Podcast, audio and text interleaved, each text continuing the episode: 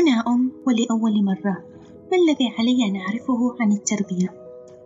أنا رجل مقبل على الزواج وأريد أن أكون مستعدا عند قدوم الأبناء فما الذي يمكنني فعله لجعل رحلة التربية أجمل؟ معكم ابتسام الوردي وأقدم لكم بودكاست وعي وتربية تصلني مثل هذه الأسئلة كثيرا ولأكون صريحة أقف أمامها مطولا.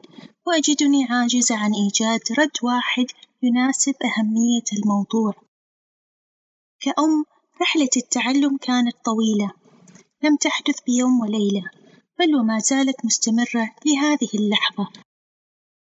لكن ربما هناك بعض جوانب التربية أو تنشئة الأبناء والتي يمكنك الاتكاء عليها في هذه الرحلة لجعلها أسهل وأجمل.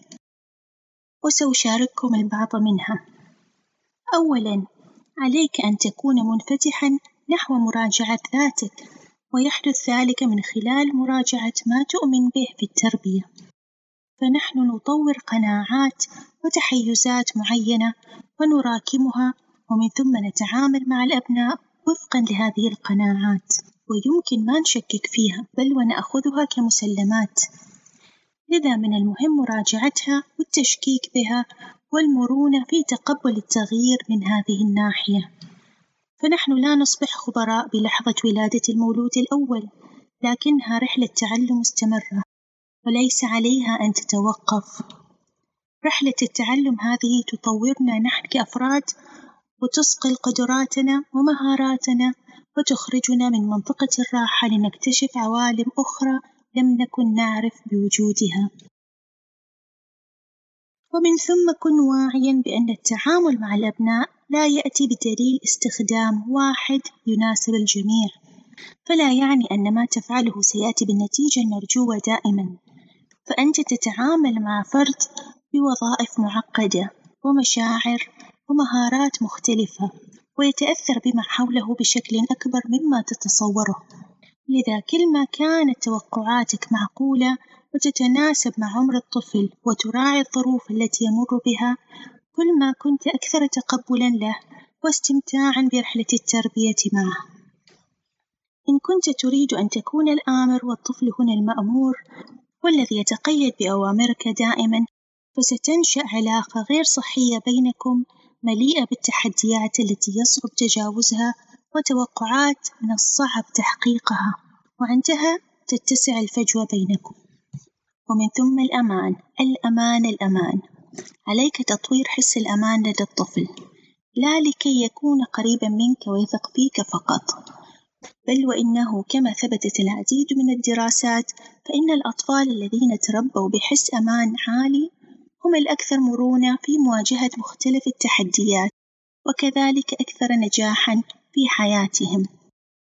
نستطيع مساعدة الطفل على تطوير حس الأمان بممارسة التواصل الحسي كاللمس والحضن وحتى إلى سن المراهقة وكذلك بالامتناع عن ممارسة العنف الجسدي واللفظي والابتزاز العاطفي.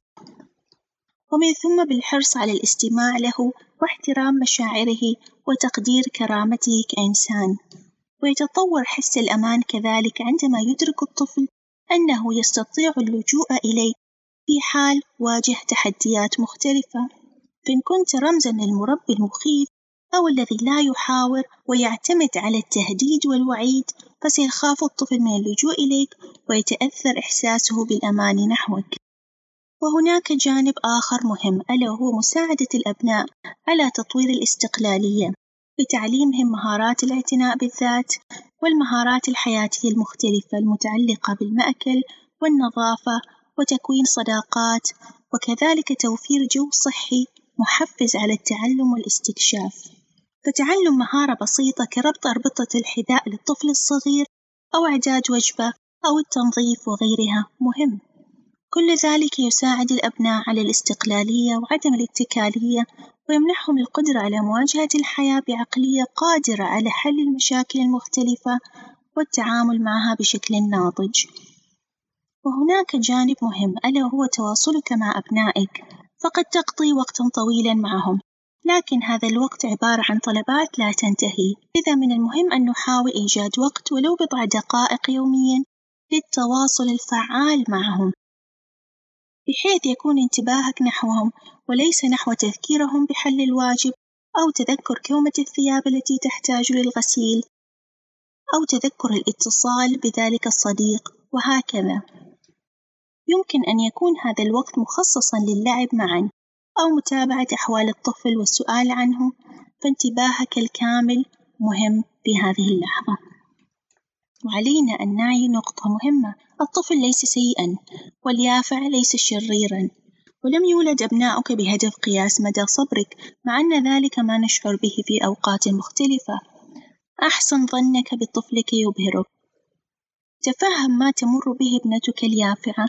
وتصبح أكثر تقبلًا لها، أيامنا كمربين لا تبدو دائمًا كتلك التي نراها في مقاطع الإعلان مثلًا، هناك الأيام الجيدة منها وهناك الأيام التي تبدو ثقيلة ولا تنتهي، وهذا هو الطبيعي والمتوقع، قدر كل هذه الأيام فالأولى تسعدك وتضاف للذكريات الجميلة، والثانية تعلمك وتذكرك دائمًا أنك إنسان بقدرات محدودة، لكنك تحاول بأقصى ما عندك، والأهم تخرج من تلك الأيام بدروس جديدة تضاف إلى خبراتك، ألم أقل لكم أنها رحلة طويلة لا تنتهي؟